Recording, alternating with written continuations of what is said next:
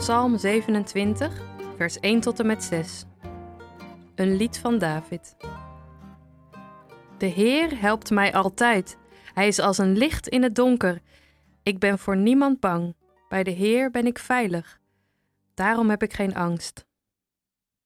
Als vijanden mij aanvallen, dan zullen ze struikelen. Als ze mij willen doden, dan vallen ze zelf dood neer. Ik ben niet bang, ook niet als een heel leger mij aanvalt. Ik blijf op de Heer vertrouwen, ook als de strijd begint. Ik vraag aan de Heer maar één ding: meer heb ik niet nodig. Ik wil bij Hem wonen, elke dag, heel mijn leven. Ik wil bij Hem zijn in de tempel, dan zal ik zien hoe goed Hij is. Als er gevaar is, verbergt Hij mij in de tempel. In Zijn huis ben ik veilig. Ik zie vijanden om me heen, maar ik weet dat ik sterker ben dan zij. Vol vreugde zal ik de Heer danken. Ik zal vrolijk voor Hem zingen en offers brengen in de tempel.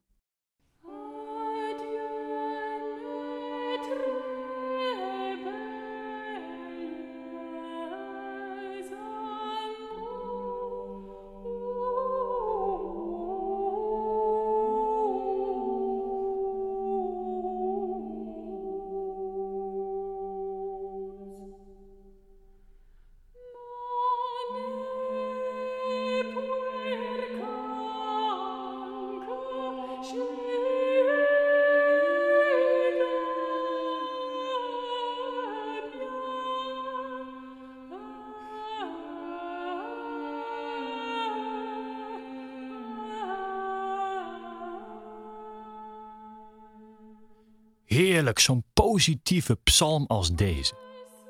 De Heer helpt mij altijd, Hij is als een licht in het donker. Ik ben voor niemand bang. Klopt dat? Wel nee, in ieder geval niet in mijn leven. En de psalm gaat maar verder. Ik blijf op de Heer vertrouwen, ook als de strijd begint. Waar gaat dit over? Als vrijwel niemand zich in deze woorden herkent, waarom staat het dan in de Bijbel? Wat zeggen dit soort teksten mij als ik ze niet kan beamen?